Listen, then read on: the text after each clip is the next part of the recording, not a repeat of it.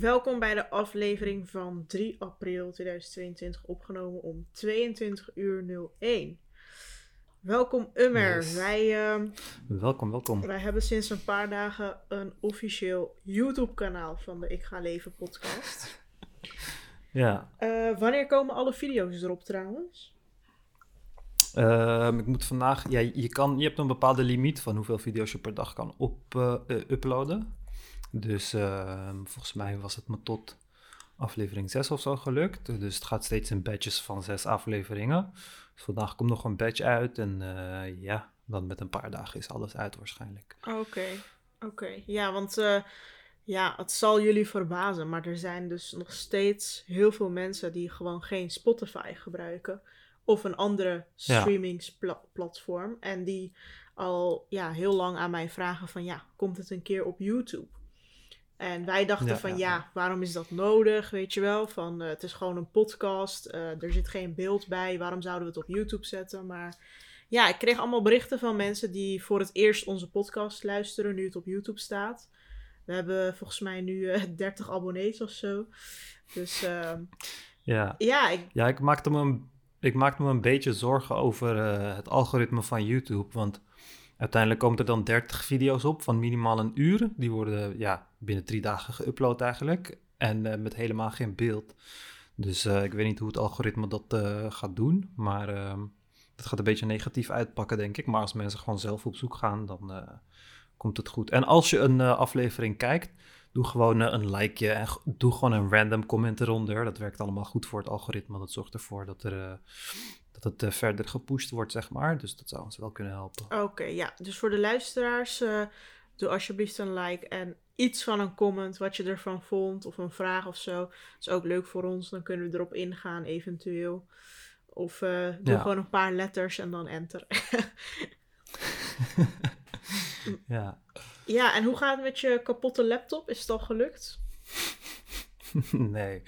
Ja, ehm, maandag, eh, ja, morgen kom ik eh, naar jou. Dus dan ga ik ook ehm, hem weer naar een andere winkel brengen. En dan, eh, ja, hopen dat hij eh, dan gemaakt kan worden.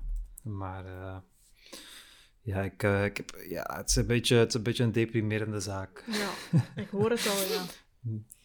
Dus eh, ja, ik zit nu ook echt met, eh, weet je, moet ik allemaal op andere computers werken en zo. Ja, Maar ik mis gewoon... eh, je eigen. ja, mijn eigen laptop. Ja. Ja.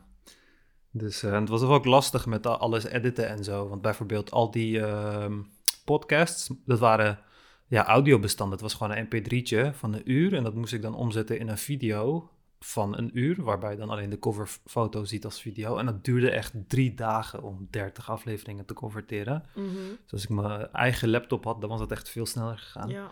Maar ik, zeg, ik ben nu, eh, ja, slaaf aan eh, oudere technologie, zeg maar. Kunnen we niet een crowdfund beginnen om een nieuwe laptop voor jou te houden? Te halen? Ja. Gewoon Ja, dezelfde. ik moet gewoon die, don- ik moet gewoon, eh, die donaties een paar maanden opsparen. En dan eh, misschien dat ik dan een laptop kan halen. Maar ja, ik heb nog hoop. ja, weet je wat het is? Ik kan wel een nieuwe laptop halen. Maar uiteindelijk raak ik dan ook al mijn bestanden kwijt. Dus als ik die bestanden ooit kan recoveren, dan moet ik wel een nieuwe laptop halen. Maar Mhm. Voor nu, eh, ja, weet ik niet. Wil je nou een crowdfund of niet? Ja, we- ja. ja, weet je wat het is? Ja, ik weet het niet. Kijk, mensen doneren al, dus dan eh, vind ik het een beetje raar om dan ook nog een crowdfunding eh, op te zetten. Ik ben, ik ben heel raar als het gaat om geld aannemen van Je mensen. bent er niet zo Weet goed je? in, hè? Eh, ja, ik ben altijd eh, slecht geweest eh, in, dat, in dat opzicht. Ik ben een beetje weird als het gaat om geld aannemen van normale mensen, zeg maar. Dat siert jou, bescheidenheid. Maar goed. Ja, ja. Ik weet niet of het daar op de, op de lange duur goed uitpakt. Weet je, ik heb gewoon niet zo'n commerciële mentaliteit. Eigenlijk moest, moet ik gewoon zielig doen van nee. Doneer, fok je koffie elke ochtend. Geef het geld gewoon aan mij. Ja, precies. Weet je, dat soort dingen. Oh, ik had vandaag weer een burenruzie. Het was zo raar weer. Een burenruzie? Ja. Ik heb sowieso Welke niet buren? echt hele aardige buren, vind ik. Ze zijn een beetje raar. Maar wij hebben dus... Zijn Nederlanders? Ja. We hebben dus... ehm, We hebben dus een, een, een regeling waarbij we vuilnis niet in de container kunnen gooien in de straat waar ik woon. Dat heb je trouwens bijna overal in het centrum van Amsterdam. En je hebt zeg maar speciale dagen dat je het vuilnis uh, op straat kunt leggen, zodat het de volgende ochtend opgehaald wordt door een ophaaldienst. Ja. En bij ons zijn dat de dagen, um, nou ja, je hebt twee dagen in de week dus. Maar soms leg ik het alvast in de middag op straat, omdat ik in de avond niet thuis ben of bijvoorbeeld naar Tim toe ga in Rotterdam en daar slaap. Of, um, ja. Of, ja, of ergens anders slaap, of op vakantie ga, of bijvoorbeeld een lezing heb in België, wa waardoor ik daar een hotel boek. Uh, en zodat ik daar gewoon in de avond kan slapen en de volgende dag terugkom en zo. En op die dagen doe ik zeg maar niet het vuilnis zo laat mogelijk op straat, maar in de middag al, omdat ik daarna vertrek. En ik wil niet dat het vuilnis een week lang in mijn huis gaat lopen stinken. Dus dan zegt mijn buurvrouw van, uh, ja nee, je mag het niet nu al op straat doen. Je mag het pas uh, in de avond doen, net voor het slapen, want anders komen er muizen. En dan denk ik, huh, maar wat is het verschil? Als het toch al de hele nacht op straat gaat zijn, tot de ochtend dat het opgehaald wordt, dan uh, wat is dan het verschil, zeg maar? Kijk, zij zeg maar het liefst dat, ja. je het, dat je het heel vroeg in de ochtend daar doet. Dus echt zes uur s ochtends of zo is die ophaaldienst. Maar dat is gewoon echt crazy. Want ik ga niet zes uur s ochtends mijn bed uit om vuilnis weg te gooien. Dat gaat niemand doen. Dus iedereen doet het al mm-hmm. de nacht van tevoren. Maar wat ik dan doe is niet een nacht van tevoren, maar een paar uur daarvoor. Dus in de middag, omdat ik in de avond niet thuis ben. En dan komt ze ja. elke keer bij mij aankloppen en zegt ze van... Uh, ja, mag niet. En dan zeg ik... En, maar zij denkt gewoon een soort van dat ze de, de, de buurtpolitie is of zo. Ze heeft gewoon niks te doen. En ik denk dan van... Maar wat wil je dan van mij? Moet ik dan mijn vuilniszakken de hele week thuis houden en gewoon uh, weggaan of zo? Dat, uh, ja. dat, dat, ik snap gewoon nooit wat zij van mij verwacht. Dus het is elke keer ruzie met haar. Dus ik doe het gewoon. En ik denk van ja, als jij geen muizen wil, moet je niet in Amsterdam wonen. Want de hele, even serieus, heel het centrum van Amsterdam is vol met afval op straat de hele nacht lang. Het gaat echt geen moer ja. uitmaken of ik mijn zak erbij doe of niet. Het is gewoon echt onzin gewoon. Maar ja, ik weet ja, niet. Ja, haar, het, het, haar bezielt gewoon wat, denk ik. Ja, eigenlijk zouden ze gewoon kliko's moeten neerzetten waar jullie dan uh, de vuilniszakken in doen. Ja, het probleem ook niet. ik snap sowieso niet. Maar ja, om dat voor de hele straat te doen. Uh, ja, je hebt eigenlijk in heel Amsterdam heb je van die ondergrondse uh, vuilnisdingen, behalve in het centrum. Dus daar is het denk ik wat moeilijker te realiseren. Maar ja, die dingen zijn altijd ideaal, weet je. Je gooit het in het luikje en het is gewoon weg. Mm. Komt ook geen muizen bij. Dus ja, maar ja, de stad heeft wel uh, vaker dit probleem gehad. Maar ik snap gewoon niet waarom heel het centrum van Amsterdam de hele nacht vuilnis op straat heeft. Uh, Tim ja. woont dus in Rotterdam en elke keer als hij met mij s'nachts buiten loopt in Amsterdam, zegt hij van... Hé, maar waarom pikken jullie Amsterdammers dit? Dit is gewoon ronddraaien in je eigen poep of zo. Het is gewoon overal zie je vuilniszakken. En ik weet ja. nog toen, net voor de gemeenteraadsverkiezingen, had je van die VVD-posters met uh, erop nog eens vier jaar vuilnis op straat. Stem VVD, zo van wij gaan het anders doen. En toen zei Tim nog van, uh, als, als grap zei hij van, oké, okay, jij moet sowieso VVD stemmen, want uh, die gaan eindelijk iets doen eraan, weet je wel.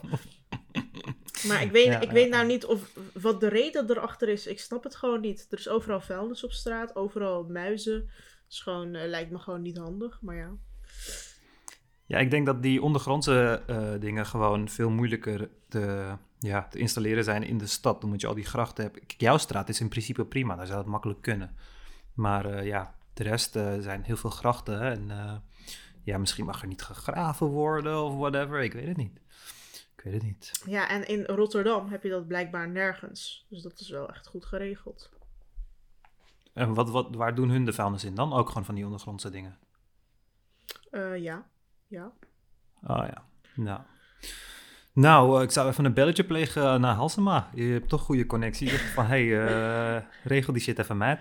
Ja, ik weet dus niet wat het beleid erachter is. Het heeft vast een goede reden. Misschien, zijn, misschien is het allemaal heel veel geld of zo om het op een andere manier te doen. Ik weet het gewoon niet. Ja. Ja. Nou.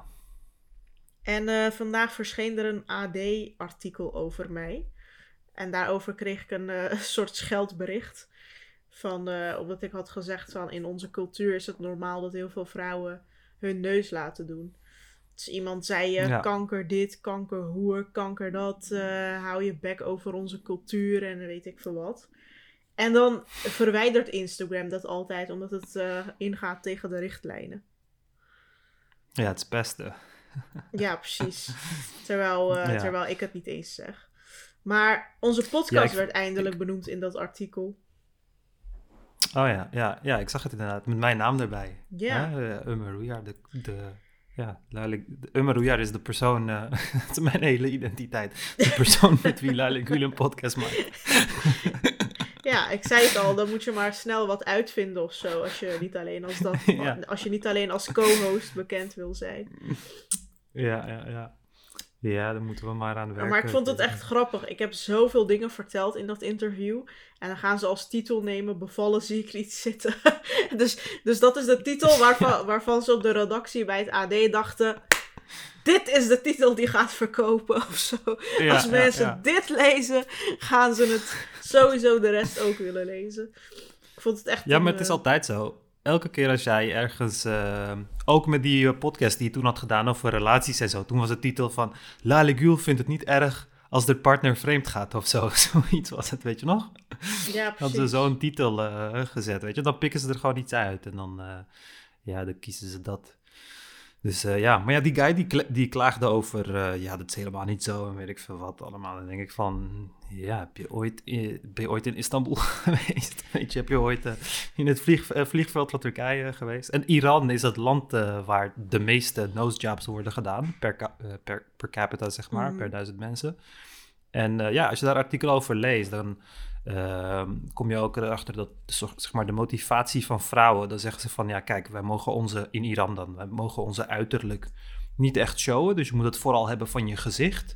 Dus dan ja, gaan we dingen doen eh, aan onze gezicht. Dat is eigenlijk het enige waar je iets aan kan veranderen voor de buitenwereld. Mhm. Dus dan kiezen mensen voor eh ja, nosejobs en dat soort dingen. En vooral omdat ja, dat deel van het Midden-Oosten, daar heb je vrij grote neuzen. Zeg maar Irakezen, Koerden. Ja, Ja, dus die hebben allemaal wel grote neuzen. Dus dan is het vrij eh, normaal. Maar ja, die jongen was gewoon een beetje, een beetje boos, denk ik. Ik weet het niet. Ja, maar het is ook gewoon, eh, als je kijkt naar gewoon. Als ik gewoon kijk naar mijn eigen omgeving. Stel, ik zou dat allemaal niet weten van Iran en Turkije en zo. Al mijn Turkse vriendinnen hebben hun neus gedaan. En ik ken geen een- enkele maar- Nederlandse vriendin die haar neus heeft gedaan. En Ja, mijn ex heeft haar neus gedaan ook. Dus eh, ik ken het ook van de omgeving. Ik ken geen Nederlandse meisjes die hun neus hebben gedaan. Ik ken echt heel veel Turkse meisjes die hun neus ja, hebben gedaan. precies. Dus, Al eh, mijn ja. buurmeisjes, een paar nichten van mij, een paar tantes van mij. Ze, familieleden en ook buren en zo, die hadden zelfs allemaal trucjes waarbij ze de nosejob soort van gratis konden krijgen door te zeggen dat ze Ja, problemen... ademhalingsproblemen. Ja, ademhalingsproblemen. Gingen ze mij nog allemaal tips Snurken. geven. Ik had, ik zweer het je, ik had een familielid, soort tante, die tegen mij zei van, wil je gratis nosejob, dan moet je dit en dit en dit zeggen. Je moet zeggen, ik kan niet ademen en zo. Toen zei ik nog van, huh, maar een arts komt er toch achter dat je gewoon wel kan ademen als je dat zegt. Zegt ze, nee, nee, daar kunnen ze gewoon niet achter komen. Je moet gewoon zeggen, ik heb problemen en zo, wat ze ook zeggen. En dan eh, krijg je verwijzing naar de, weet ik veel wat. En dan eh, kun je zeggen, als jullie daar toch mee bezig zijn, doe een eh, mooiere neus of zo, zoiets. En eh, de, Ja, dat eh, wordt e- echt gedaan. De moeder van mijn ex, die had dat. Die had een neusprobleem, die kon niet ademen of zo. Die snurkte, ik weet niet wat het was. En eh, ja, die liet zich toen opereren. En tegelijkertijd maakte ze ook gelijk haar neus wat mooier. Dus het komt wel vrij vaak voor. Ik heb het wel vaker ja, gehoord. precies. En dan gingen ze ook nog altijd verwijsbrief naar die ene ziekenhuis in Amsterdam. Het heet Adjebadem regelen. Je schrijft het als A-C-I-B-A-D-E-M.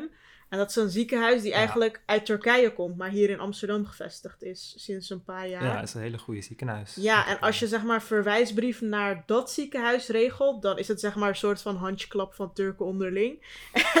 en dan regelen ze een mooie neus voor je zonder dat ze er te veel aan sleutelen. Dat is echt zo grappig. en dat kost de Nederlandse verzekeringsbetaler duizenden euro's. Omdat Turken met Ja, hun neus ja. zitten. Jezus. Ja, het is wat. Hé, hey, maar eh, het is nog steeds oorlog. En ehm, Zelensky heeft nu ook een oproep eh, aan Nederland gedaan. Voor hulp. Ja. En ik krijg dus allemaal verhalen te horen over ja, de wapenlobby in de VS. Die is zo sterk dat die het, zeg maar, het beleid bepaalt of sterk stuurt. Dus de Verenigde Staten gaan nooit een oorlog stoppen, maar juist aanmoedigen. Omdat, want dan verkoop je gewoon wapens aan beide kanten. Dus waarom zouden ze het ooit stoppen? Maar ze verkopen toch geen wapens? Ze geven gewoon eh, hulp, zeg maar, in de vorm van wapens. Want al die landen die wapens sturen naar Oekraïne, die verkopen dat toch niet? Die sturen dat gewoon, volgens mij, Ehm, gewoon gratis op. Nou, ik weet niet waar Rusland zijn wapens koopt eigenlijk. Ja, ik, ik- volgens mij, ik denk niet dat, dat je als Amerika aan Rusland wapens kan verkopen. Want die, ze gebruiken sowieso allebei, eh, ik bedoel, Rusland gebruikt hele andere apparatuur. Hun tanks zijn anders, hun raketten zijn anders, hun, weet je, geweren zijn anders. Dus ik kan me niet voorstellen dat je als Amerika aan Rusland zou verkopen. Want Rusland heeft vrij grote productie van zichzelf. Maar eh, ja, ik weet het niet. Eh, Er zal vast wel iets waar van zijn hoor. Maar in dit geval, Oekraïne heeft niet heel veel geld. Dus daar ga je ook niet heel veel aan kunnen verdienen. En de meeste wapens die ze binnenkrijgen, ik denk alle wapens die ze binnenkrijgen, krijgen ze gewoon eh, gratis. Dus eh, ik weet het niet. Dus het is niet zo dat de wapenlobby in de VS hier belang bij heeft. Bij, de, bij meer oorlog in de wereld. Want dat is het verhaal. Ehm, ja, vast, vast wel. Dat is altijd zo, weet je. Dan worden, worden beide kanten eh, bevoorraad. Maar in dit geval denk ik niet dat daar heel veel winst uit eh, te halen valt. Want alles van wat ik lees, van oh ja, Frankrijk stuurt dit en Nederland stuurt dat en Duitsland stuurt dat en Amerika stuurt eh, weer 300 miljoen aan hulp en whatever. Weet je, over het algemeen is het eh, gewoon gratis. Dus eh, ja, ik weet het niet. Ik heb er ook niet echt ingedoken hoor. Ik weet het niet. Misschien zit er wel iets achter. Maar eh, ik zie het niet heel snel gebeuren of zo. Oké. Ja, en er was ook nog... Even een ander item.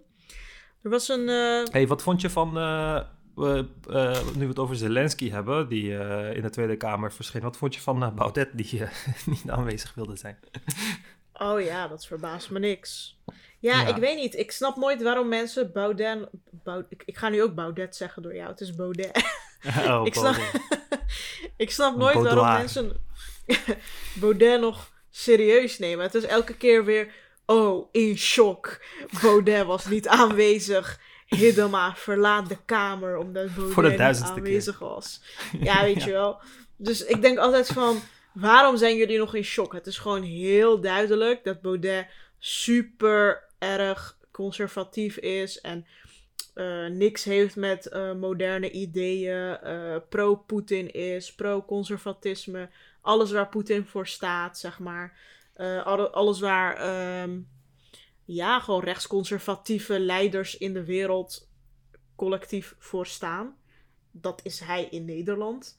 Het verbaast mij niet dat hij tegen abortus is. Het verbaast mij niet dat hij bepaalde ideeën heeft over vrouwen en weet ik veel wat. En oh, weet je wel, het is gewoon een soort, eh, ja, moslim geworden.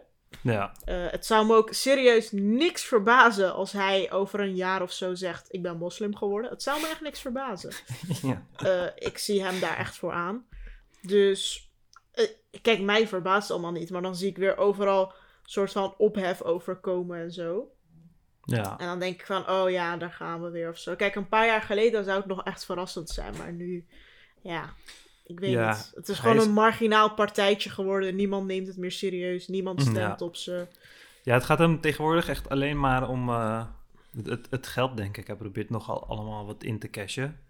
Eh, Ja. Met zijn, eh, met zijn geniale boek en dat soort dingen. Dus eh, ja, maar het is echt een contrarian, weet je. Zijn, zijn positie is gewoon, ik ga het tegenovergestelde doen van de massa. Als de massa A zegt, dan zeg ik automatisch B. Al ben ik tegen onderdrukking en dictatuur en, eh, weet je, eh, geen vrijheid van meningsuiting en dat soort dingen. Toch ga ik gewoon Poetin pijpen, want de andere mensen haten Poetin. Hm, Dus ja, het is een beetje dat idee. Weet je, ik zit echt Nee, te maar- denken... Ja? Ehm, ik denk, ik geloof ook niet dat hij zichzelf nog serieus neemt. Hij heeft in een paar podcasts gezegd: Ik wilde altijd al schrijver worden. Dat was mijn droombaan. Dus hij wilde gewoon schrijver, columnist, opiniemaker, et cetera worden. Hij wilde gewoon een soort mediapersoonlijkheid worden. Maar het is hem nooit gelukt. Hij is nergens doorgebroken. Zijn boeken verkochten niet. Eh, weet je, want hij zat ook bij de uitgever waar ik nu zit. Ehm, zijn columns werden niet geliked, niet gelezen. Niemand moest hem echt, weet je wel. Het was altijd een beetje een randfiguurtje. Eh, toen kwam hij met dat Oekraïne-referendum, et cetera. Hij probeerde steeds maar een soort van aandacht te krijgen, et cetera. Het, het, is hem nooit gelukt totdat hij de politiek inging. En toen was hij uh, een tijdje inderdaad de grootste partij. Nou, dat heeft hij ook verpest, weet je wel. Dus dat is hem ook niet gelukt. En nu ziet hij zelf ook wel in dat, dat hij alleen nog maar sukkeltjes achter hem aan heeft. Ik bedoel, als je kijkt naar die video's waarin hij op straat zeg maar zo'n speech geeft en zo. Je ziet echt twee man en een paardenkop. Je ziet gewoon leeg veld. Je ziet gewoon een of andere dikke tokkie links en een of andere verwarde vrouw rechts. En het is gewoon Weet je, dan gaat die ineens weer door hem heen schreeuwen. De ander gaat weer, uh, weet je, gek dansje doen of zo. Het is gewoon, het zijn gewoon hele kansloze, hopeloze randfiguren. Een soort beerput van de, van de samenleving. En hij ziet dat ook wel in. Kom op, hij heeft gymnasium gedaan. Een paar jaar geleden zat hij nog uh, in het Latijn te lullen in de Tweede Kamer. Hij heeft zoveel boeken geschreven. Hij heeft uh, elke keer weer moeilijke woorden die hij gooit in zijn speeches. Trouwens, de laatste tijd niet meer. Het lijkt wel alsof hij dommer wordt of zo. Nee, maar zijn, zijn doelgroep uh, wordt gewoon dommer. Ja, precies. Hij past zich gewoon aan aan zijn doelgroep. Omdat hij denkt van, oh shit, ja, ik zit hier nu eenmaal en ik moet nou eenmaal vreten en mijn huur betalen. Dus hij, hij richt zich een soort van op dat marginale clubje. En dan gaat hij gewoon allemaal dingen verkondigen waarvan hij ook wel inziet dat het onzin is. Of dat het heel ver gezocht is of zo. Ik kan me gewoon niet voorstellen dat hij daar echt in gelooft. Ja. Dat, dat kan ik gewoon niet. Ik bedoel, uh, ja. Het, ik denk dat hij. Ja, ik denk dat hij wel is weet. Niet gevaarlijk. Ja, ja, het is nog steeds. Uh, ja, ik denk dat hij wel weet op punten waar hij, uh, waar hij fout zit. Dat hij een beetje uit zijn nek aan het lullen is. Maar ik denk. ja, dat hij. Nou, even Latijn voor Thierry ook. Je hebt een Latijns gezegde. wat was het nou? Mundus fut decipi ergo decipiatur the, the world wants to be deceived, so let it be deceived. Weet je, mensen willen gewoon bedrogen worden, dus bedrieg ze gewoon. En dat, uh, dat heeft hij uh, goed, uh, ja, geleerd, denk ik. Hij weet hoe hij relletjes moet veroorzaken, hij weet hoe hij, weet je, exposure moet krijgen, hij weet hoe hij geld moet verdienen. En ja, hij is gewoon zo'n standaard. weet je, elk land heeft wel zo een idioot, echt zo'n randfiguur, inderdaad. En in Nederland is dat echt ja, Baudet. En eigenlijk zet ik, ik zet Willem Engel en Baudet zet ik eigenlijk een beetje op dezelfde lijn. Die zijn precies hetzelfde. Weet je? Het zijn echt precies dezelfde mensen. Gewoon kosten wat het kost, niet toegeven dat je gewoon fout zit en een idioot bent. En gewoon geilen op al die aandacht en die macht en het geld dat je dan krijgt. Dus, uh... maar ook al die dingen die hij zegt, ik geloof gewoon niet dat dat ooit uh, werkelijkheid gaat worden. Hij heeft het over scholen oprichten, eigen munt, eigen dit, eigen dat. Gaat allemaal nooit gebeuren. Hij zegt het gewoon zodat hij weer likes krijgt, zodat hij weer donaties krijgt. Kan hij weer een keer op vakantie, kan hij weer... Ja, het is voor die uh, mensen die, de, die nog steeds roepen van... Oh, we moeten terug naar de gulden. Weet je, hij zegt het voor dat soort type mensen. dus, ja, maar ook die type mensen raakt hij kwijt. Want die type mensen willen bijvoorbeeld ook horen van uh, dat hij geen moslims meer hoeft en zo. Maar hij is heel erg teruggekomen van dat standpunt. Hij zegt niks meer over islam en zo. Want hij is een beetje opgeschoven naar, zeg maar, ja, hij, hij is eigenlijk een soort van moslim geworden. Dus hij is het juist eens met alles wat de islam zegt. Ja. Um, en juist daarom raakt hij ook heel veel mensen kwijt. Want die gaan dan weer naar Geert Wilders, weet je wel. Want die denken van, ja, je hebt het nooit over, over Marokkanen. Je hebt het nooit over moslims. Ja. Dus het enige waar hij nu soort van aanhang van krijgt is het corona-ding. Maar ja, dat gaat ook weer langzaam doodlopen. Dus ik ben echt benieuwd wat zijn volgende ding wordt. Volgende item soort. Ja, maar ja, dat zeiden we tijdens corona ook. En nu is het Oekraïne. Dus hij vindt altijd wel iets, weet je. Het komt wel goed met hem. Hij, uh ja, maar kijk, dat van, dat van Poetin, dat is helemaal geen populair standpunt. Want nu verdeelt hij weer de aanhang die hij nu heeft. Kijk, de aanhang die hij nu heeft is bij hem omdat ze corona sceptisch zijn. Of hoe noem je dat? Een complot, in een complot geloven. En nu gaat hij dan weer het heel erg voor Poetin opnemen. En dan denkt die, een deel van die aanhang weer van... Oh shit, ik, uh, ik ben eigenlijk pro-Oekraïne. Dus die gaan ook weer afstand van hem nemen. Dus uh, zijn aanhang wordt gewoon steeds kleiner, geloof ik. Ja. ja, kleiner, maar wel extremer. Dus, eh, want uiteindelijk eh, is die groep die, eh, ja. die je aan het creëren bent, ja, dat is een eng groepje hoor. Een eng groepje mensen. Ja, dat klinkt eng wat ik nu ga zeggen hoor, maar ik vind echt dat mensen die nog steeds op hem stemmen en hem volgen, zet die even op een lijst. Zet ze even op een lijst, want het is Nou echt ja, belangrijk dat, eh, dat we dat soort mensen in de gaten houden. Dus je bent dan zo ontzettend makkelijk manipuleerbaar. Zo makkelijk. Als je dat nog steeds na al die jaren niet doorhebt, ja, dan eh, is er echt iets mis. En eh, ja, dat soort mensen moeten we wel in kaart brengen of zo. Ja, dat zeggen meer columnisten en zo. Van ja, FVD moet verboden worden. FVD-aanhang moet in kaart gebracht worden en zo. Maar Ja, ik zou het ik niet weet niet of verbieden. ik het daarmee eens ben hoor. Ik zou het niet verbieden, maar ik zou het wel eh, onderzoeken. Gewoon, gewoon nauwkeurig volgen of zo. Ja, precies. Want uiteindelijk zijn de, de schade... Kijk, stel je voor dat we door dit alles waren gaan, hè, corona, eh, hele pandemie en weet ik veel wat. En je had geen Baudet en je had geen Willem Engel. Weet je, die twee mensen hebben eigenhandig hebben ze ervoor gezorgd dat de sceptici, de idioten zeg maar, enorm zijn gegroeid. Door twee mensen. En dat is altijd het geval geweest. Weet je, altijd in de wereld van misinformatie heb je gewoon een handjevol ja, machtige mensen, zeg maar. Je hebt die Kennedy, dat is een grote antivaxer. Je hebt eh, Mercola, je hebt eh, David Avocado Wolf. Je hebt allemaal van die mensen, van die pseudoscientific mensen... die al jarenlang enorme platformen hebben opgebouwd... waar ze misinformatie delen. En ja, hij is gewoon zo eentje. Het is er gewoon zo eentje. Mhm. Ja, maar die mogen ook bestaan. Ja, van mij mogen ze bestaan hoor. Maar ik mag ook eh, gewoon roepen dat het echt complete idioten zijn. Van mij hoeven ze niet eh, zolang, eh, dood- dood of zo. Ze mogen gewoon bestaan.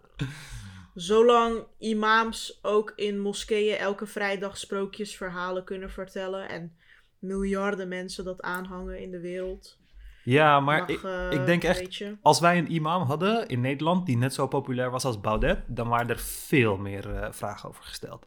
Dan was er veel meer actie ondernomen. Weet je, terwijl ik het eh, Mhm. ja, net zo gevaarlijk vind. Het idee dat jij gelooft dat, weet je, je leeft in een corrupt land en iedereen zijn, het zijn allemaal, weet ik veel, pedofielen of corrupte elite en de media liegt en alles liegt behalve Baudet. Ja, dat is gewoon een hele gevaarlijke gedachte. Het is eh, net zo Mhm. gevaarlijk als, eh, ja, alles is onzin behalve de Koran. Weet je, dus ehm, Maar hoe Ja. vaak hebben wij wel niet op moskee eh, of, of, of tussen allochtonen en zo gehoord? Nederlandse media is anti-moslim, anti-islam, niks is betrouwbaar. ja, Alle media zijn in de handen van joden, joden, weet ik veel, joden, dit, joden. Het, wij zijn ook opgevoed met soort van complottheorieën ja, voor alles wat anti-islam is en zo. Eh, ik heb heel mijn leven gedacht, oh, Nederlanders eh, zijn, Nederlandse media, Nederlandse tv, kranten zijn soort van anti-islam en zo. Nu zie ik juist dat het helemaal niet zo is, zeg maar. ja, Ze zijn eerder eh, pro-islam met sommige dingen, zoals nu met de Ramadan. Je wordt ermee doodgegooid. ja, ja, ja. Het is gewoon, het is gewoon niet, niet te doen. Ja, precies. Ja, ik vind die balans wel mooi, weet je. Want als je, dat heb jij waarschijnlijk ook wel, als je bij een linksplatform een interview geeft en een rechtsplatform een interview geeft, dan de ene, weet je, het rechtsplatform zal dan kiezen van, eh, zal, zal dan dingen kiezen als, oh, Lale moest een hoofddoek dragen, anders werd ze in elkaar geslagen. En de vader zei, je bent mijn dochter niet meer, en weet ik veel wat. En de linkse kant is dan van, oh, Lale heeft zichzelf ontwikkeld, en weet ik veel wat. Want dan gaan ze meer op het positieve focussen. Maar die balans Mhm. vind ik wel chill, want die balans heb je wel nodig. Weet je, dat was bij mij ook zo. Als Ja. ik door WNL werd ge- geïnterviewd, dan was het van, oh, en zijn moeder zei van als je vriendin een bikini draagt, is het een hoer.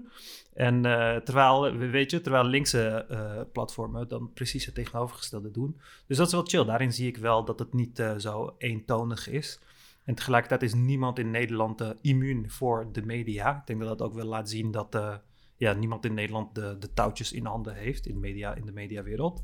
Weet je, als het nou, eh, of het nou eh, Rutte is, of de koningin, of Amalia, of whatever. Als er eh vuil over te vinden is, dan zal het gepubliceerd worden. Dat is een mooi teken van een vrij land, denk ik. Ja, het beste zou zijn als je gewoon media hebt die niet doet aan stemmingmakerij en die geen soort van morele vinger heeft of de lezer iets wil leren of een kant op wil sturen Ja, of weet je, een politieke kleur of zo. Het liefst gewoon ding- dingen beschrijft zoals ze zijn. Zonder dingen te overdrijven of andere dingen Ja, maar- uit te lichten en heel veel weg te laten. Ik denk, ik denk dat het probleem is dat. Kijk, wanneer wij aan zoiets denken, dan denk je gewoon aan een random onderwerp en dan is het niet gepolitiseerd, zeg maar, politicized. Maar dat zou je ook kunnen zeggen over eh, in de tijd van vaccins, bijvoorbeeld. Weet je, gingen alle, Mhm. alle nieuwskanalen, die gingen allemaal eh debunkartikelen uitleggen hoe werkt het virus, wat is een variant en dit en dat. Die gingen dat allemaal uitleggen, maar voor de andere kant is dat dan politiek gelul. Dan is het van, oh ja, maar ze vertellen niet over deze man, deze dierenarts die al twintig jaar niks eh, heeft gepublished, die zegt dat eh, de vaccins dodelijk zijn of zo, weet je. Dus dan maken ze er Mhm. automatisch, maken ze van de waarheid, maken ze dan van, oh, het is een politiek punt. Kijk, als ik nu mensen dingen ga uitleggen, als, we, als ik een krant had en ik schrijf een artikel over klimaatverandering, dan is dat links op de een of andere manier. Terwijl ik de feiten benoem, is dat gewoon links. Dus men kan toch eh, heel makkelijk eh, ja, het politiseren en zeggen van ja, weet je, dit is gewoon een, een rechts- of links talking point. Dus eh, jullie zijn biased of whatever. Ja, ja, ja. Met sommige dingen is het ook gewoon lastig. Ehm, er was een column van columnist Asja ten Broeke van de Volkskrant. En er was weer heel veel ophef over op Twitter. Zij schreef: Rijke mensen zijn een probleem. De oplossing: een bestaansmaximum. Je mag genoeg geld houden om een heerlijk en vervullend leven te leiden. Maar wat je daarbovenop nog bezit, vloeit naar de staat en het volk. Dus allemaal mensen van ja, deze is gestoord, dit, dat. Ik Ja, vind het wel, ik vind het wel ergens, ehm, want zij, ik zie dat zij echt heel vaak haat. ja wat vind je van eh, dat punt? Ben je het eh, oneens of eens met dat punt? Ehm, ja, weet je wat het is? Ik, ik weet dat nooit zo goed.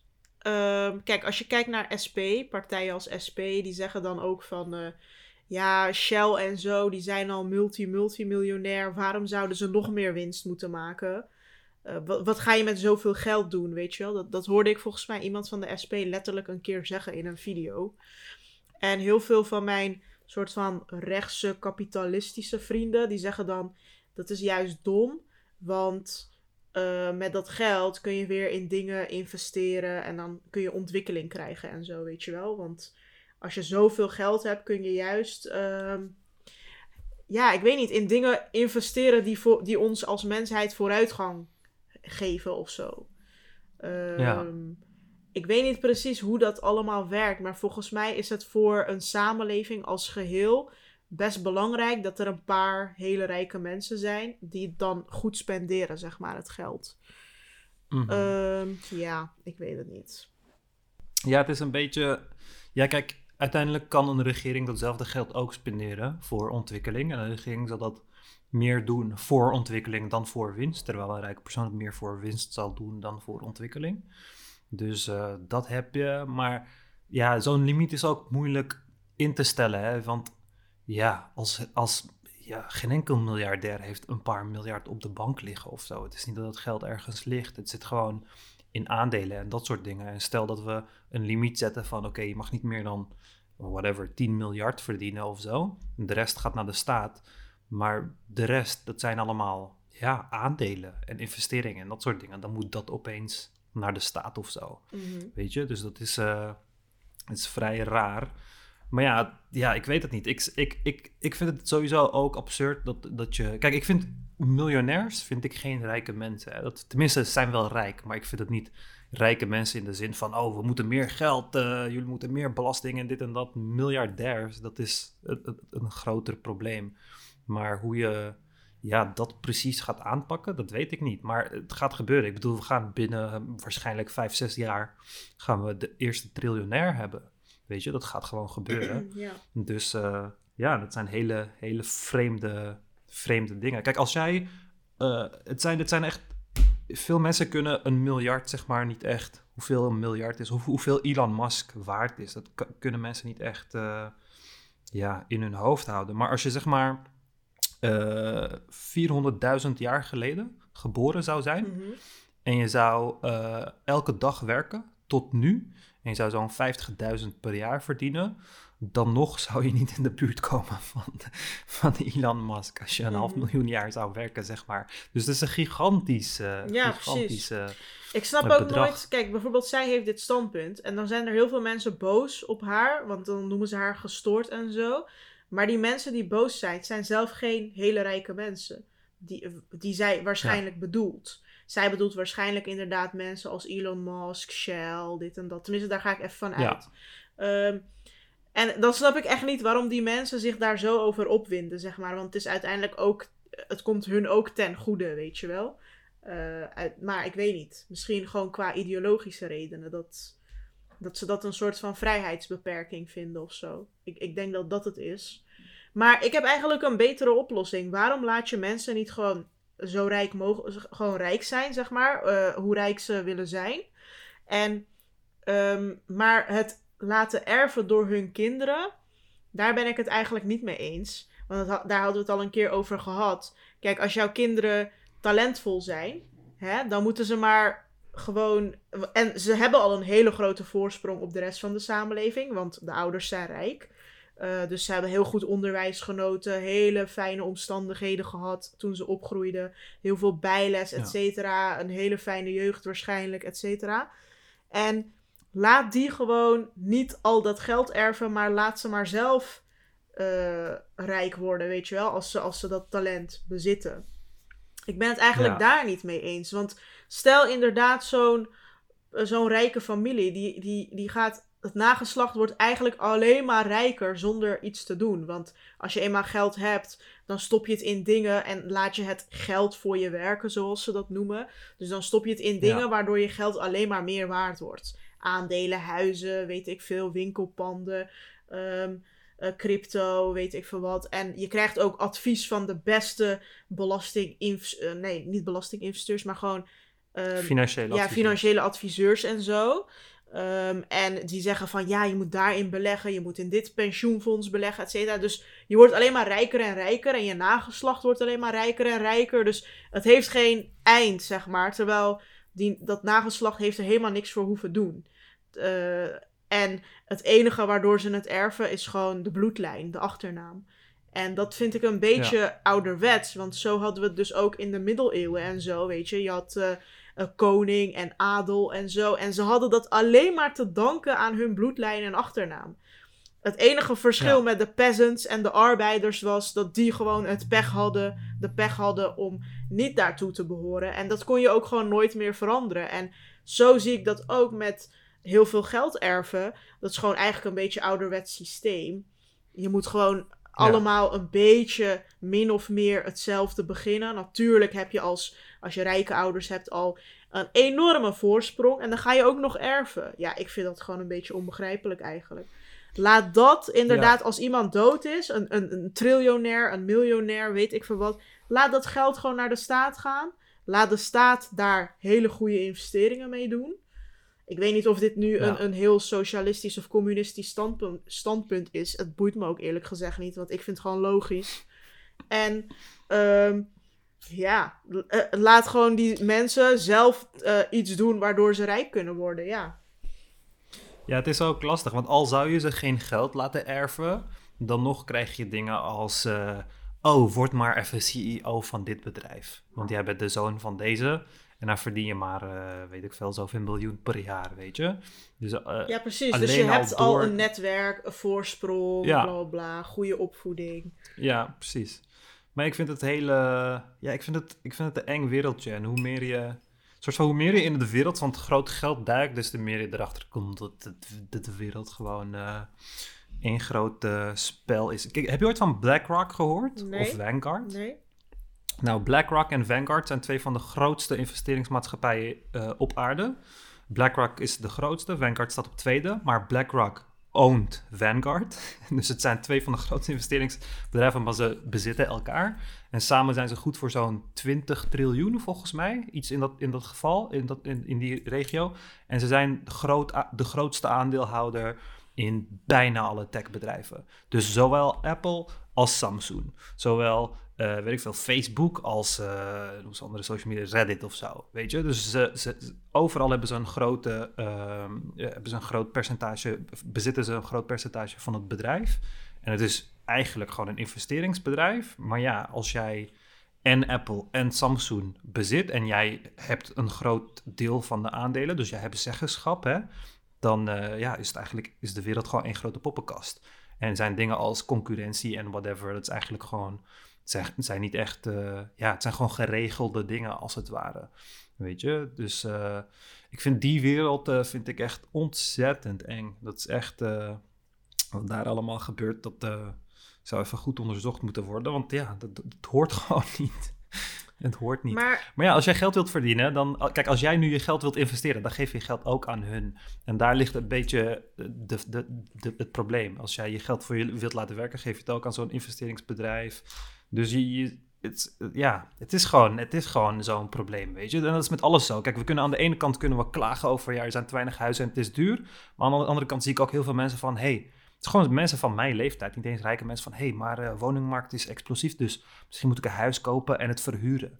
Weet je, voor de topprijs, voor de hoogste prijs. En dan, ja, behoor je tot het probleem ook. Maar omdat je ervan kan genieten, ja, bekijk je het, zie je het uh, als, als positief. Ja. En dat zie ik heel vaak. Dan uh, vrienden van mij die dan, zeg maar, miljonair zijn die dan uh, zeggen van, ja, ja, maar miljardairs die willen geen belasting betalen. En ja, deze betaalt maar 1% en dit en dat. En een half uur later zegt ze van, hé man, in Nederland moet ik echt veel belasting betalen. Ik moet echt een manier vinden om minder belasting te betalen. Dus je zit echt aan beide kanten. Vind je, ja, ben je eigenlijk gewoon en uh, de rijken aan het bekritiseren, terwijl je aan de andere kant uh, precies het, hetzelfde doet. Want dat is hoeveel geld verdienen uiteindelijk. Maar in de vorige aflevering kwamen wij toch, toch tot de conclusie dat meer belasting vragen van rijken geen zin heeft. Omdat, ze dan, omdat die bedrijven dan gewoon hier weggaan en naar een ander land gaan. Dus het was toch. Ja. Jij zei ook van het is of uh, een belastingparadijs zijn en genoegen nemen met weinig belasting krijgen, of helemaal niks. Dan moet je een belastingparadijs zijn, lijkt me. Ja, je moet, je moet, als je dat zou willen veranderen, zou je een wereldwijd systeem moeten hebben. Uh, waardoor er geen belastingsparadijzen op aarde zijn. Ja. Maar uh, ja, dat is tegelijkertijd ook onmogelijk, want heel veel landen, vooral in Midden-Amerika, die, die leven daarvan. Dat is hun voornaamste inkomstenbron. Weet je, bijvoorbeeld alle, bijna alle boten op aarde zijn geregistreerd in Panama, omdat je gewoon geen belasting betaalt. Heel veel mensen gaan naar Dubai, omdat je daar geen inkomstenbelasting betaalt en dat soort dingen. Ja. Dus uh, dat, dat, uh, dat krijg je automatisch. Dat is gewoon ja, hoe we de wereld hebben opgezet. En het is ook logisch, hè, want uiteindelijk is belasting betalen is een uitgave voor een bedrijf. En jij probeert je uitgaven gewoon zo laag mogelijk te houden. Dus je gaat er alles aan doen. Als jij 5 miljard aan belasting betaalt, dan is het het waard om 500 miljoen te betalen om weet je, te onderzoeken hoe je minder belasting kan betalen. Hele constructies opzetten en whatever. Dus ja. men, uh, dat, is, dat is nou eenmaal een kapitalistisch systeem. Zoveel mogelijk verdienen, zo weinig mogelijk uitgaves. Ja, maar we, eh, ja, precies. Maar dan kun je dus ook dat standpunt van die columnist, van die Asja ten Broeke, kun je ook nooit invoeren. Want stel dat je dat hier invoert, dan gaan alle rijken gewoon naar Monaco en Dubai en weet ik veel wat. Dus je kan het wel invoeren, maar natuurlijk gaat niemand zich eraan houden. Kijk, in een ideale wereld, perfecte wereld, zouden mensen zich er wel aan moeten houden. Want je hebt in Nederland dat geld verdiend. Dus je moet in Nederland belasting betalen. Als je hè, gewoon even ethisch goed in elkaar zit. Want ja, die kansen heb je gekregen door Nederland. Dus je bent een soort van schatplichtig. En het is een beetje ondankbaar als je, dat, als je dat dan in een ander land gaat lopen spenderen en belasting van Nederland gaat ontwijken. Maar ja, zo zitten mensen niet in elkaar. En ja, ja. ik zou me wel zelf, hou ik zoveel van Nederland dat ik, ondanks wat je moet betalen aan belasting, nooit uit Nederland zou gaan. Want ja, je kan wel wonen in Dubai en zo, maar ik heb gewoon niks met dat land. Ik heb daar geen verbindenis mee. Uh, en, en, al helemaal niet met de mensen daar en zo. Dus ik zou sowieso, al, al, al moet ik uh, eh, 70% belasting betalen, ik zou sowieso nooit Nederland uh, verlaten. Ook niet als ik rijk was, maar ja, dat ben ik. En ik denk dat 99,9% van de mensen niet zo zijn. Dus um, ja, dat, dat. Ja, want dat, jij betaalt waarschijnlijk ook vrij veel belasting, of niet? Ja, ik moet waarschijnlijk inderdaad heel veel belasting betalen dit jaar eh, vanwege de... Waarschijnlijk. Ja, ik weet het niet eens. je hebt geen idee. Nee, ik heb echt Ja, geen heb jij een boekhouder die het allemaal voor Ja, je regelt? precies. Ik heb, ik heb zelf Ah, echt ja. geen, eh, geen idee. Ik hou ook niet van dat soort dingen bijhouden en zo. Ik krijg er echt hoofdpijn van. Ja, want dat is wat er uiteindelijk gebeurt, weet je. Kijk, nu, ehm, laten we zeggen, over vijf jaar begin je meer te verdienen en zo. En dan krijg je opeens een financieel adviseur. En die zegt opeens van, hé, maar als we deze constructie opzetten, dan ja, krijg je 50% meer inkomsten. Want dan hoeven we minder belasting te betalen of whatever. Weet je, en het is heel moeilijk om daar nee tegen te zeggen. Weet je, want eh, ja, je ziet ook niet waar je belasting naartoe gaat. Dus eh, het is lie- liever dat het gewoon in je eigen zak blijft. Dat is gewoon extra inkomsten. Mhm. Dus het is heel moeilijk om daar tegen, om daar loyaal aan te blijven, zeg maar. Ja. Maar goed, die, die, dat, dat ideetje van die columnist kan dus nooit in de praktijk, zelfs al vind je het in theorie een mooi idee, het kan nooit in de praktijk werken. Ja, Maar die, ehm, Ja. die luisteraar van ons had mij op LinkedIn een bericht gestuurd, weet je wel, jouw eh, oude concurrent. oh ja. En die had het over Eh, dat... Roland? Roland? Ja, precies? Roland. Ja. En die had Ja. het over dat, je, eh, dat het is gedebankt, dat je zeg maar een geluksgrens hebt of zo. Eh, Ja, klopt. Je had eh, heel lang, die heb ik ook vaak herhaald hoor. Dat na, volgens mij was het 70.000 of 40.000 of zo per jaar, worden mensen niet gelukkiger. Euro, maar, geld bedoel je toch? Ja. Ja, ja, ja. Maar ehm, ja, dat, dat is niet waar. En dat gaat gewoon door, ongelimiteerd. En dat is ergens ook wel logisch. Maar eh, aan de andere kant geldt het ook niet voor iedereen. Je zat eh miljonairs en miljardairs die eh, gewoon depressief zijn.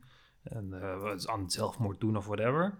Maar over het algemeen, ja. En het is ook wel logisch, want als ik v- 40.000 per jaar zou verdienen, of 100.000, ik zou wel een stuk blijer zijn met die 100.000, denk ik. Ja. Ik zou ook wel blijer zijn met een miljoen, of 10 miljoen. Of ja, 100 miljoen. Roland schreef... Dus, eh, eh, er leeft al een tijdje de opvatting dat je niet gelukkiger wordt bij een inkomen boven de 70k. Daar heeft Van Rossum, en dan bedoelt hij Maarten van Rossum, het ook altijd over. Die ook tegen iedereen maar zegt dat vliegen en zo niet nodig is. Terwijl hij al zelf wel allerlei vette ervaringen heeft gehad in Amerika, et cetera. Maar dit is gedebunked. Je wordt gewoon steeds gelukkiger. Dus iemand die 500k verdient, is weer minder gelukkig dan iemand die een miljoen aan inkomen heeft. Er zou op den duur een soort virtual assistant moeten komen, een soort Alexa of Google Home, plus die je helpt met allerlei keuzes maken, een soort dienstmeid dus. En die je dan op termijn ook kunt koppelen aan je stofzuigbot, je kookbot, etc. Hopelijk kan iedereen dan leven zoals Oscar Wilde over 30 tot 100 jaar. ja. ja, ben ik het wel eh, mee eens. Van die virtual assistant, eh, dat, dat, eh, ja, dat gaat uiteindelijk ook wel eh, gebeuren. Ja, veel mensen hebben dat al. Maar ja, ik, mm, ik, ik, ik weet het niet. En ik, ik, eh, ik, ik geloof dat wel hoor. Ik ben daar wel van overtuigd, want ik vond het sowieso altijd raar dat er een soort van limiet op staat. Want zelfs als geld je niet gelukkig zou maken, dan nog zou meer geld je gelukkig kunnen maken, omdat je gelukkiger zou kunnen worden door het weg te geven bijvoorbeeld.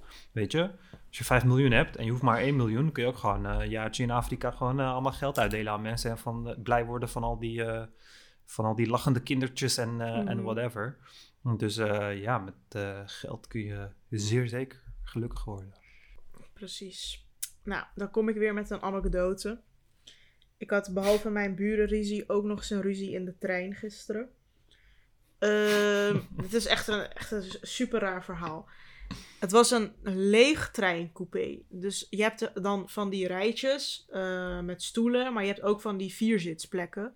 Dus ik ging in mijn Ja. eentje op zo'n vierzitsplek zitten. En op een gegeven moment, bij een van de haltes, kom- komt, er, komt er een vrouwengroep van vier vrouwen binnen. En eh, ik had het helemaal niet door, want ik had gewoon earpods in en een pet op. En ik was helemaal in mijn telefoon. Ik had niet eens door wie er allemaal binnenkomt, et cetera, et cetera. Maar op een gegeven moment hoor ik ze zo, hoor ik zo eentje praten van...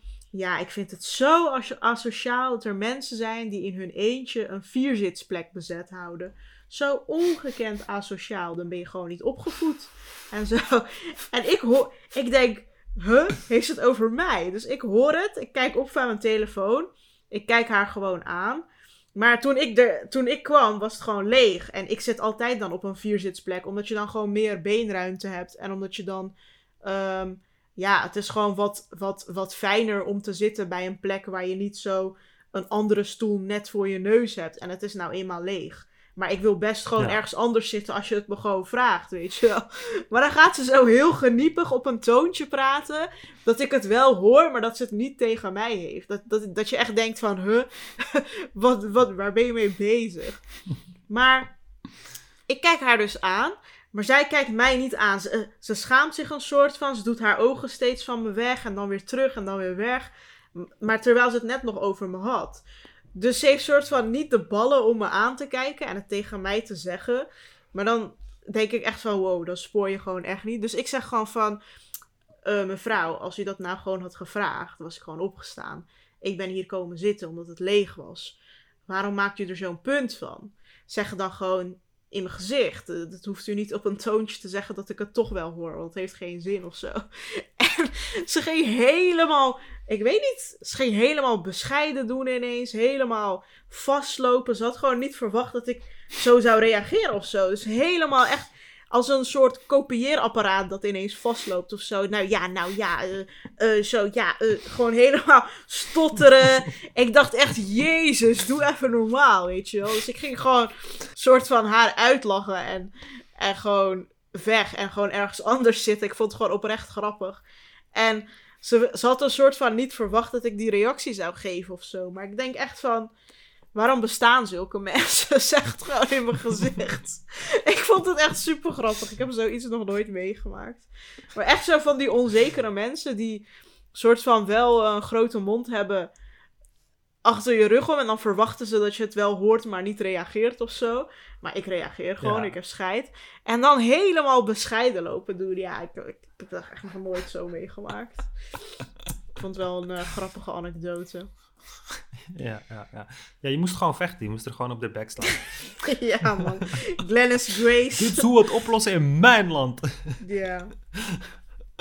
Kwam ik ook in, Ja. moest ik ook zo'n video opnemen, zoals uh, Leeuw Kleine en Grannis Grace. Nee, je moest gewoon, je moest gewoon een Baudet uithalen. Je moest gewoon op Twitter moest je zeggen van...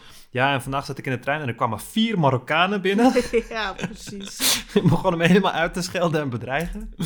Ja. En verder gaat het alleen maar over de Ramadan deze week. Het is echt niet te geloven. Eh, in de Mhm. Telegraaf ging het over dat een paasontbijt op scholen. Eh, het paasontbijt wordt dan afgeblazen op scholen die rekening willen houden met de Ramadan. En daar zijn dan weer Ah, ja. andere mensen boos om, want die hebben zoiets van: huh, Pasen hoort er gewoon bij, weet je wel. Het is gewoon onze feestdag moet soort van wijken voor hun feestdag. En ja, ik zeg Maar eerlijk, ik kan- geef die mensen gelijk.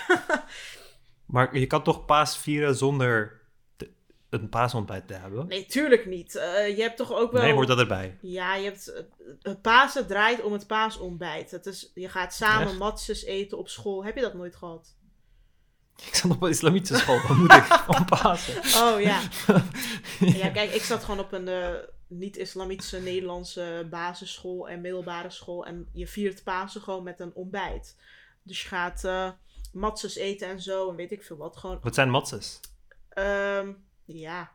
Zijn dat van die crackers? Ja, precies. Die ronde? Die- Oh ja, oké.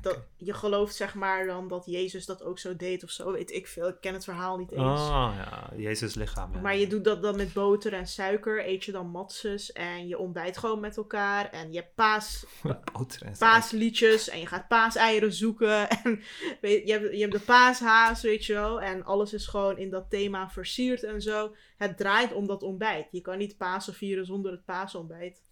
Dat is alsof je, Ja, maar wat was Pasen dat is alsof je zegt suikerfeest vieren zonder, eh, zonder eten. Het is gewoon... Wat vier je met Pasen? Wat, wat van Jezus vier je precies? Zijn Ehm, dat wederopstanding? is een of- hele goede vraag van jou. Dat ga ik gelijk googlen. Ik heb echt geen idee. Ik, ik had het wel geleerd destijds, maar ik onthoud het allemaal niet. Want ik vind het allemaal een beetje verwarrend. Maar ik geloof, even kijken, Pasen. Wat wordt gevierd met Pasen? Christenen vieren met Pasen de opstanding van Jezus uit de dood. Ja, dat dacht ik al. Op Goede Vrijdag. Oh, ja. Op Goede Vrijdag sterft hij aan het kruis. Drie dagen later herrijst hij. Met zijn dood neemt hij de zonde van de mensheid op zich. Ja, precies. Ik dacht het al, maar Ja. ik durfde het niet te zeggen. Want ik dacht zometeen word ik helemaal eh, uitgelachen. Maar ik had het Ja, want ik vind, ik vind wel mooi hoe, zeg maar, feestdagen van christenen zo absurd worden, zeg maar. Het wordt zo absurd. Dat het gaat... Want als je tegen iemand zou zeggen van... hé hey jongens, eh, morgen is het weer uh, wederopstanddag... en dan gaan we de wederopstanding vieren van... weet je nog die Midden-Oosterse guy die dood was gegaan... en drie dagen later weer tot leven kwam? We gaan dat even vieren. Mhm. Weet je, dat klinkt heel gek. Maar als je zegt, oh, maar konijn en gekleurde eiertjes... en we gaan lekker eten in de ochtend en zo, weet je. En dat heb je met kerst ook. Dus van opeens een kerstman en een boom en dat soort dingen... wordt het allemaal zo heel... eh, Heel anders gemaakt, Ja, maar het niks meer met de religie te maken heeft. Ja, precies. Maar dat hele religieuze is er natuurlijk helemaal uitgehaald. Heel veel Nederlanders Ja. vieren Pasen zonder dat ze weten waar, waar Pasen voor staat. Dus ja. Ja, daarom. Dus ik denk als, als je dat doortrekt, als je dezelfde lijn van verandering doortrekt naar de islam, weet je, zullen wij dan ook ooit een ramadan hebben die dan, eh, weet ik veel, om een, eh, om een groene cavia draait of zo. weet je, een Ja, groene cavia ik- die piramides bouwt of zo. ik denk dat met de islam moeilijker is of zo. Want kijk, bijvoorbeeld als je kijkt naar Ramadan. Dat is gewoon zo. Het is gewoon niet eens leuk. Het is vooral kut. Want je hebt 30 dagen lang honger. En tuurlijk, we doen Ja. ons best om het te brengen als iets gezelligs en weet ik veel wat. Maar in het origineel is het niet per se gezellig of zo. Het is gewoon, het is gewoon kut. Je hebt gewoon de hele dag hoofdpijn. Er zijn mensen die eh, agressief ervan worden, ziek ervan worden. Er zijn mensen die flauw vallen door de honger en de dorst. Het is. eh, Ja, Iedereen, eh, iedereen voelt zich gewoon moe en zo. Ehm, en, en moslims geven dat zelf ook toe hoor. Ik zag vandaag die Tweede Kamerlid Kautar Bouchalikt van GroenLinks. Ik zag haar delen op haar story van... ja, voor de mensen die ook eh, helemaal dood eh, gaan van de honger... nog maar een paar uur wachten, hang in there en zo. Dus ze geven zelf ook toe dat het een soort van niks feestelijks aan is, weet je wel. Ehm, ja, ja, ja. ja, op suikerfeest kun je nog zeggen dat is feestelijk. Maar de hele Ramadan is gewoon eigenlijk gewoon. Ja, het is ook een beetje te lang. Het is echt veel te lang. Ja, het is een eh, maand. Ja, het is eh, heel lang en eh, kut om er nog iets gezelligs van te maken. En je adem stinkt niet, en eh, je mag geen porno Ja. kijken en je mag niet rukken en je mag geen seks hebben. Het is gewoon, het is gewoon niks aan. ja. Ja, ja, ja. Ja, je mag helemaal niks. Ja, ik hoop dat het, dat het verandert of zo. Ik weet het niet. maar ja, op zich, ik, ja.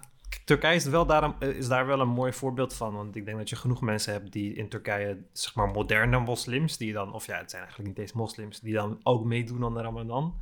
Die, ja, die hebben echt geen idee wat de fuck je viert met, met Ramadan of suikerfeest of waarom je het doet. En weet ik het wel allemaal, dat weten ze allemaal. Weet je dus wie, is het ook gewoon. eh, Weet je wie in de Ramadan echt niet te harde zijn? Rokers en koffiedrinkers. Die zijn zo niet te harde. Ik heb zeg maar ehm, ooms die dan aannemer en zo zijn. Die zitten allemaal in de bouw. Maar dat zijn en zware rokers en zware koffiedrinkers. Omdat ze... Ja, hoe wil je functioneren zonder koffie als je zo vroeg moet werken en zo, weet je wel? Dus Ja. dan in de Ramadan waren ze echt gewoon agressieve monsters gewoon. En hun vrouwen werden er gek van en zo. Dus iedereen, iedereen weet stiekem dat de Ramadan kut is. Niemand kijkt er ook naar uit. Iedereen denkt: oh, dan heb ik weer die agressieve man. Ze mogen niet neuken, ze mogen niet eten, ze mogen niet roken, ze krijgen geen cafeïne binnen. Weet je, iedereen vindt het gewoon Hey, kut. maar- Zou je niet gewoon een nicotinepleister op mogen doen tijdens de Ramadan? Nee, want dat gaat ook geen- in je lichaam. Je mag zelfs geen. Ja, eh, maar, ja, maar alles wat op je huid is, gaat in je lichaam. Ja, maar je mag dat Weet niet. je? Want ehm, ehm, je mag ook geen. ehm, mijn oma bijvoorbeeld moest medicatie slikken. En ja, dat mocht gewoon ook niet. Dus ging ze maar gewoon alles na iftar slikken, weet je wel, na het avondeten. Oh, what the fuck. Ja, ik vind dat zo raar, die oudere moslims die dan overduidelijk een slecht gezondheid hebben. Ja. En toch denken van, nee, ik ben een goede moslim, ik ga gewoon eh, vasten. En ik denk van, ja, maar je maakt je lichaam gewoon kapot. Als je oud bent en je zit aan allerlei medicatie, dan één, het is sowieso dom om dan een hele dag niks te drinken. Maar om dan ook je medicatie te skippen, ja, dat is echt, eh, Ja, ja, dat is echt niet gezond. ja, precies. En ik had bijvoorbeeld eh, een neusspray en die mocht ik ook niet gebruiken. eh, toen ik nog Ah, ja. vastte. Ja, ja, En mensen die normaal aan de antidepressiva zitten en zo, die moeten dat ook niet meer op de normale uren slikken, maar na het avondeten en zo. Dus Ja, ja. ik ging altijd, eh, als ik stiekem ging eten, zeg maar, tijdens de Ramadan, eh, dan had- hield ik het stiekem voor mijn ouders, maar niet voor vrienden of zo. mhm. Eh, maar als vrienden vroegen van, hé, maar waarom eet je? Zeg ik, ja, maar ik moet mijn ADHD-medicatie nemen, dus ik kan niet vasten. Ah, ja. Weet je, dan was dat voor mij gewoon een goede smoes om toch door te kunnen blijven eten. ja, ik heb ook een paar jaar dat ik zeg maar al niet meer geloofde, maar wel nog thuis woonde. En zo heb ik ook een soort van gedaan alsof ik ging vasten. Maar ik werkte toen in een eh, restaurant en daar waren ook eh, andere Turken aan het werk. En ze zagen mij gewoon eten, want ik ging gewoon in mijn pauze gewoon eten halen en zo. En eh, toen zeiden ze van waarom en zo, zei ik ook altijd, ja, ik heb suikerziekte en zo. Toen zeiden ze van, gabla, normaal zien we hier nooit medicatie innemen. en toen ging ik ook lachen.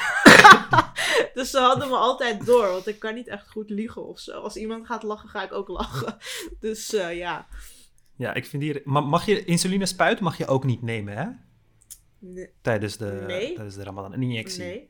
nee. Ja, maar kijk, dat is dus heel gek, want, de, want je mag geen insuline inspuiten, maar je spuit die insuline in omdat jouw lichaam geen insuline aanmaakt. Maar wanneer je lichaam insuline aanmaakt, mag het dan wel?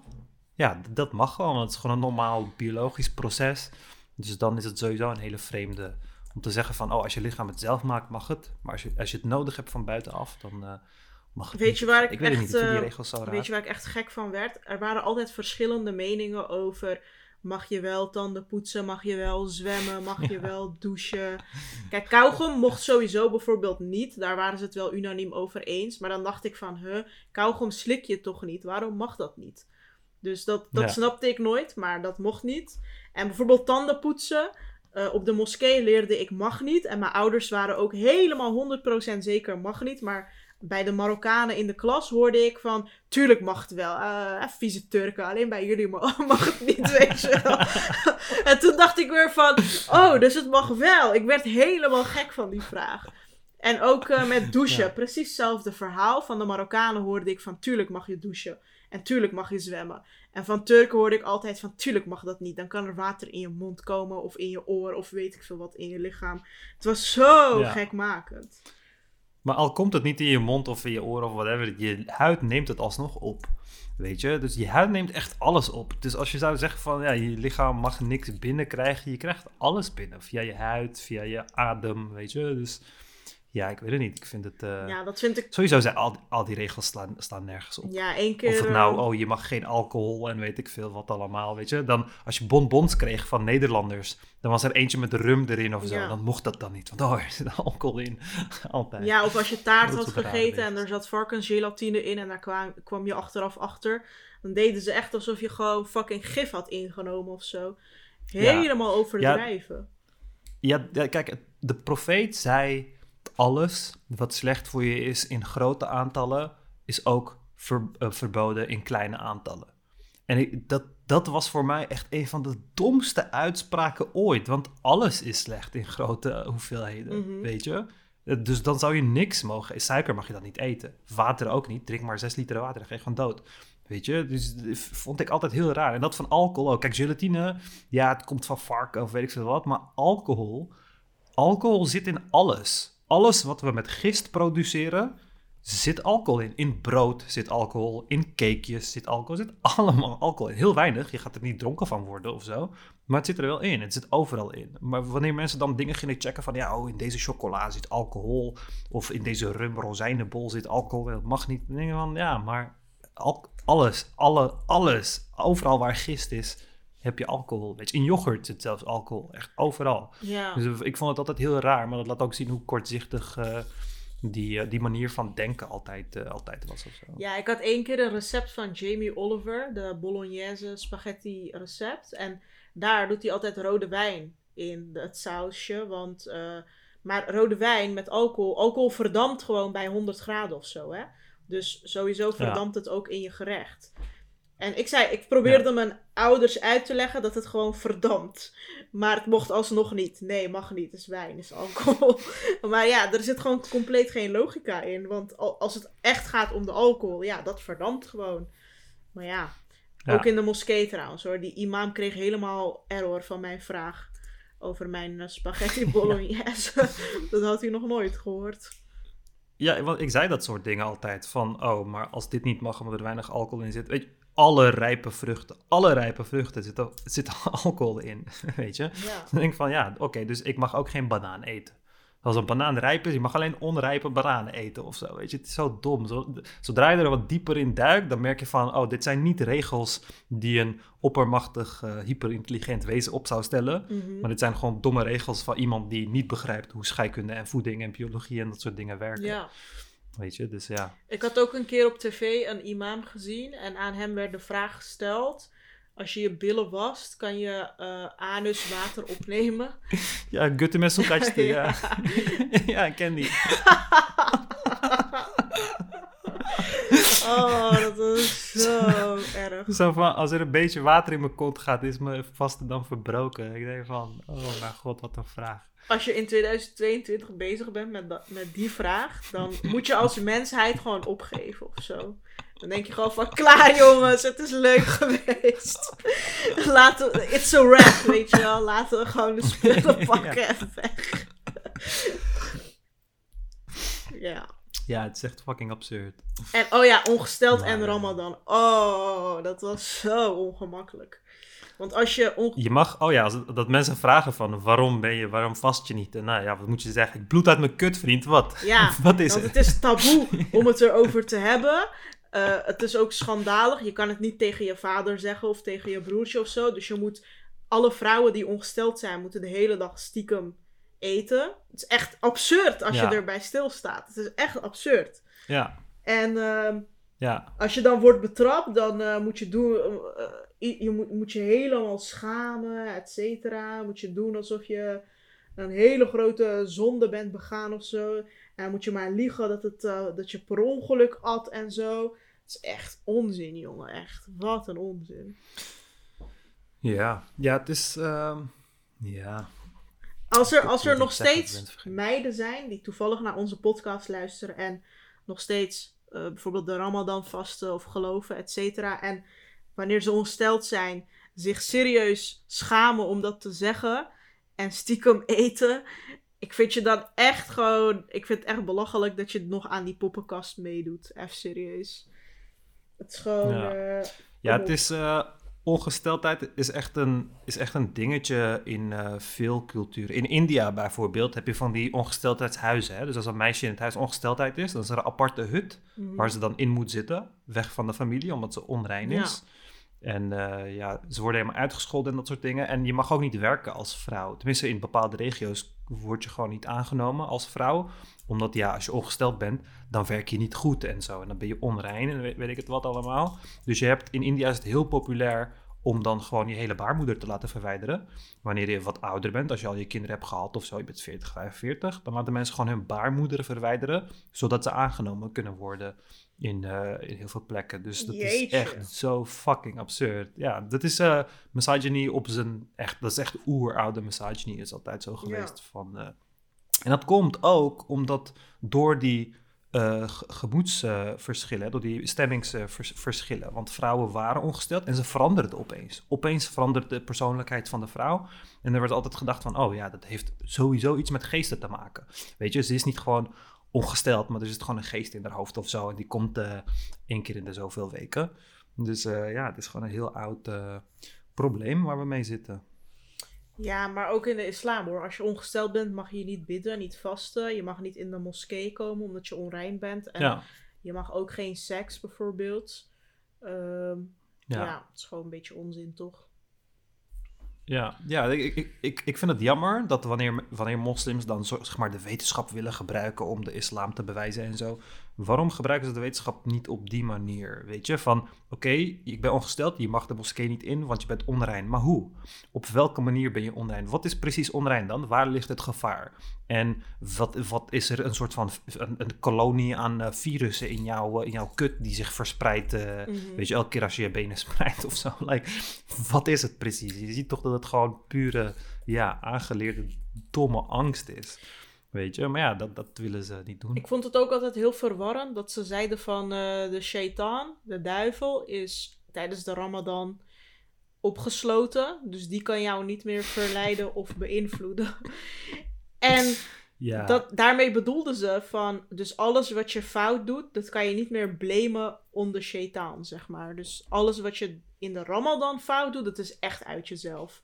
Dus dan kun je niet meer de duivel als ex... Normaal is het de duivel. Ja, precies. Maar dat vond ik heel verwarrend. Want ook in de Ramadan heb je soms gedachten dat je bijvoorbeeld iets wil doen wat een zonde is of zo.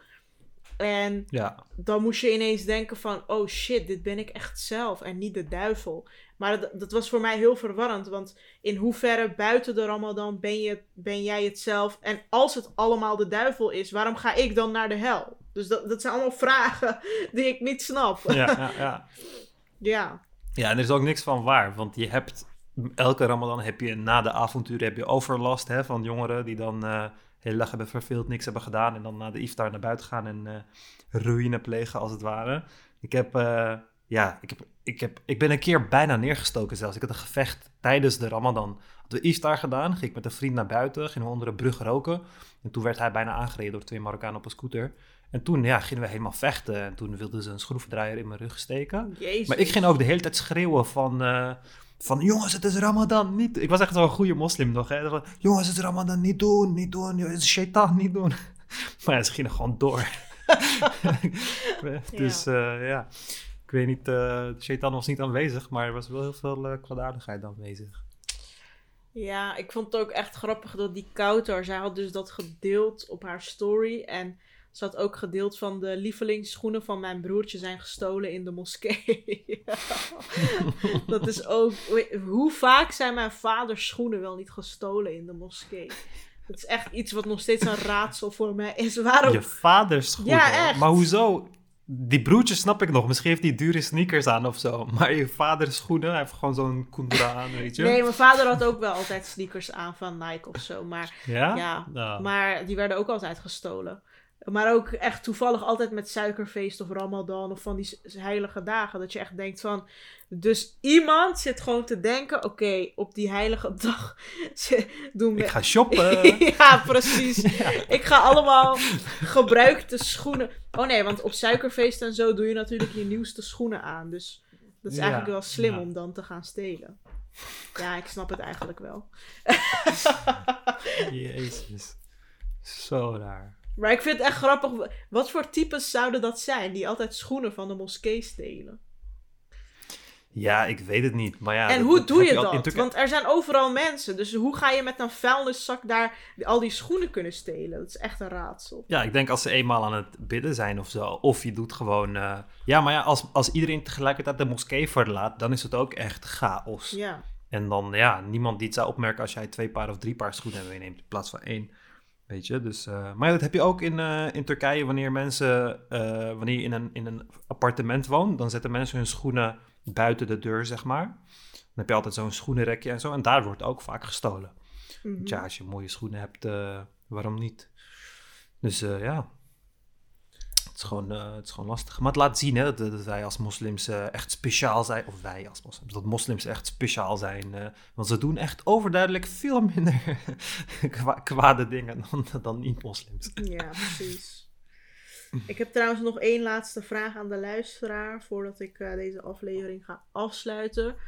Ik heb dus gehoord dat je zo'n stomer kunt kopen in plaats van. Dan hoef je nooit meer te strijken. Oh ja, klopt. En als er iets is wat ik haat in het leven, is het wel strijken. Ehm, Ik strijk nooit. ja, het, Echt nooit. oh wow, ik dacht echt dat ik de enige was. Ik durfde het bijna niet te zeggen, maar Ja, maar waarom? Nog nooit heeft iemand tegen me gezegd van... Nog nooit heb ik naar kleren gekeken en gedacht van... Oh, dit moet gestreken worden of Ja, zo. ik dus ook Weet niet. ik, eh, Maar heel veel mensen vinden dat echt schandalig. Kijk, ik koop nu vanaf nu altijd kleding wat een stof heeft, wat ik niet hoef te strijken na het wassen.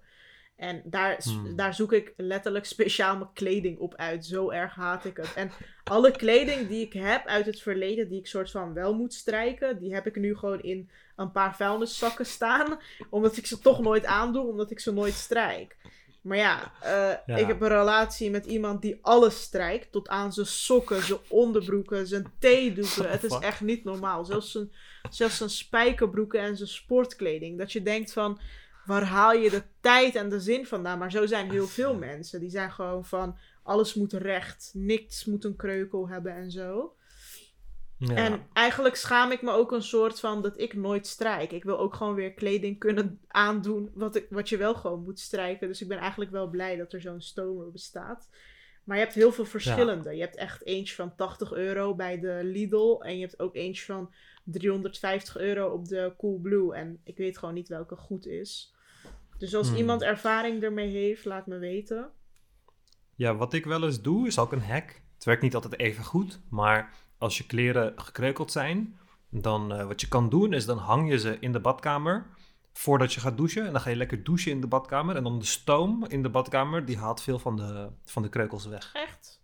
Oh ja. Ja, soms moet je er wel een gewichtje aan hangen, zodat het zo een beetje recht getrokken wordt en zo. Maar ja, het werkt, het werkt Dat is goed. zoveel moeite. Koop dan gewoon zo'n stomer. Ja, we, ja, we hebben zo'n stomer, maar dat hele ding opzetten en zo, dat is een beetje, is Echt? een beetje lastig. En eh, ja, het, ik, ja, ik weet het niet. Het is voor mij gewoon dat ik denk van, waar moet ik nu een heel apparaat erbij halen om... Waarom bestaat er een hele industrie van apparaten om de kreukels uit mijn kleding te halen? Het zijn gewoon kreukels. Gewoon accepteer het gewoon. het is een kreukel. Ja, maar het is- Je weet toch, het is niet het einde van de wereld. Laten we eerlijk zijn, het ziet er gewoon niet uit met sommige kledingstukken. Als jij een overhemd aandoet of zo, een witte of een zwarte, het moet gewoon recht zijn. Ja, bij overhemden wel. Maar ja, gelukkig draag ik echt bijna nooit overhemden. Ja, maar shirtjes moeten is ook gewoon belangrijk. recht zijn. Eh, gekreukelde shirtjes zijn al niet meer mooi. En eh, Ja, ik weet niet. Ik, als ik shit uit de droger haal en het is nog warm en ik vouw het goed op, dan eh, zijn de kreukels gewoon weg. Meestal komen die kreukels als, je het gewoon, als, als het gewoon in de droger is gebleven en het gewoon afkoelt in de droger. Maar als je het gewoon net wanneer de droger klaar is eruit haalt, dan, ja, dan eh, komt het wel goed, denk ik. oh, misschien, eh, ja, ik laat het altijd helemaal afkoelen in de droger, dus dat moet ik dan niet doen. Want Ja, ook ja, al mijn blazers, ik draag heel vaak blazers en die zijn dan helemaal, ja, verneukt gewoon. Helemaal verkreukeld. Ja. Ja. En ik heb ook trouwens dat mijn was altijd krimpt, dus ik doe echt iets fout. Oh, daar, daar had ik altijd last Want van. Echt Ik doe, altijd. gewoon, ik doe gewoon 40 graden, dat is toch niet heet? Ja, maar de eerste keer dat je je kleding wast, dan krimpt het altijd. En ehm, ja, dus ik had dat altijd. Dan pas je het in de, in de, in de kledingwinkel en dan past het precies. En dan eh, doe ik het in de droger en dan heb ik opeens een eh, navel-t-shirt of zo. Ja, maar ik ook. Alles krimpt gewoon. Vooral mijn pyjama's en zo. Die zitten ineens super strak. En dan, dat is echt niet fijn. Maar ik snap niet wat ik fout doe. Het, het komt dan waarschijnlijk door de droger of zo. Ja, ik weet niet. Ja, het zou wel de droger kunnen komen. Ja, het is gewoon hitte. Het is gewoon hoe warmer het wordt, hoe meer het, eh, hoe meer het eh, krimpt. Dus ja. En ik heb dus zelf helemaal geen verstand van welke stof je wel kan strijken en welke niet en zo. Dus ik heb al een paar keer gehad dat ik iets wou strijken die je helemaal niet hoort te strijken. Maar ik weet het dus nooit. Dus ik had zo'n rode blouse die, die mij echt super mooi stond. En die heb ik toen helemaal verneukt. Omdat het ineens plakte aan mijn strijkijzer. Ik dacht echt van het huis gaat in de fik of zo. En laatst had ik ook Ja. dat Tim zei van... Hey, kan je die jas van mij naar de stomerij brengen? En ik zei zoiets doms als van... "Huh, maar je kan dit toch strijken of zo? En toen keek hij me zo aan van... Wow, ben je echt serieus? Of maak je nu een grap? Maar ik durfde niet meer te zeggen dat ik serieus was. Dus ik zei, oh nee, eh, grapje. en toen bleef hij me aankijken en zei hij van... Als jij denkt dat je dit kan strijken, dan ben je echt een staatsgevaar. en toen dacht ik echt van... Oké, oké, ik ben echt gewoon... Ik moet echt nooit meer strijken. ik heb dat al zo vaak gehad gewoon. Ik snap gewoon nooit welke stof wel en welke niet. Hé, maar jij moet eigenlijk gewoon een, een eh, hulpje fixen, man. Iemand die je huis schoonmaakt, die je kleren wast en dat soort dingen. Het is echt vrij cheap. Oh, dat zou geweldig Dus, eh, en- zijn. En het zou je echt veel tijd besparen. Want eerlijk, je, je hoort al die shit niet te doen. Je hebt het gewoon fucking druk. Je tijd is veel meer waard dan eh, strijken of eh, kleren wassen of whatever. Ja. Je moet gewoon niemand laten doen. Dus als het je, weet ik veel, 100, 200 euro in de, maand, eh, in de week kost, dan is het gewoon prima. Moet je het gewoon doen. Ik ga erover nadenken. Maar Ja. hey, fijne Ja. Ramadan nog. En we spreken elkaar snel weer. ja, ja. ja. Yes, tot Yes, de volgende keer. Ja.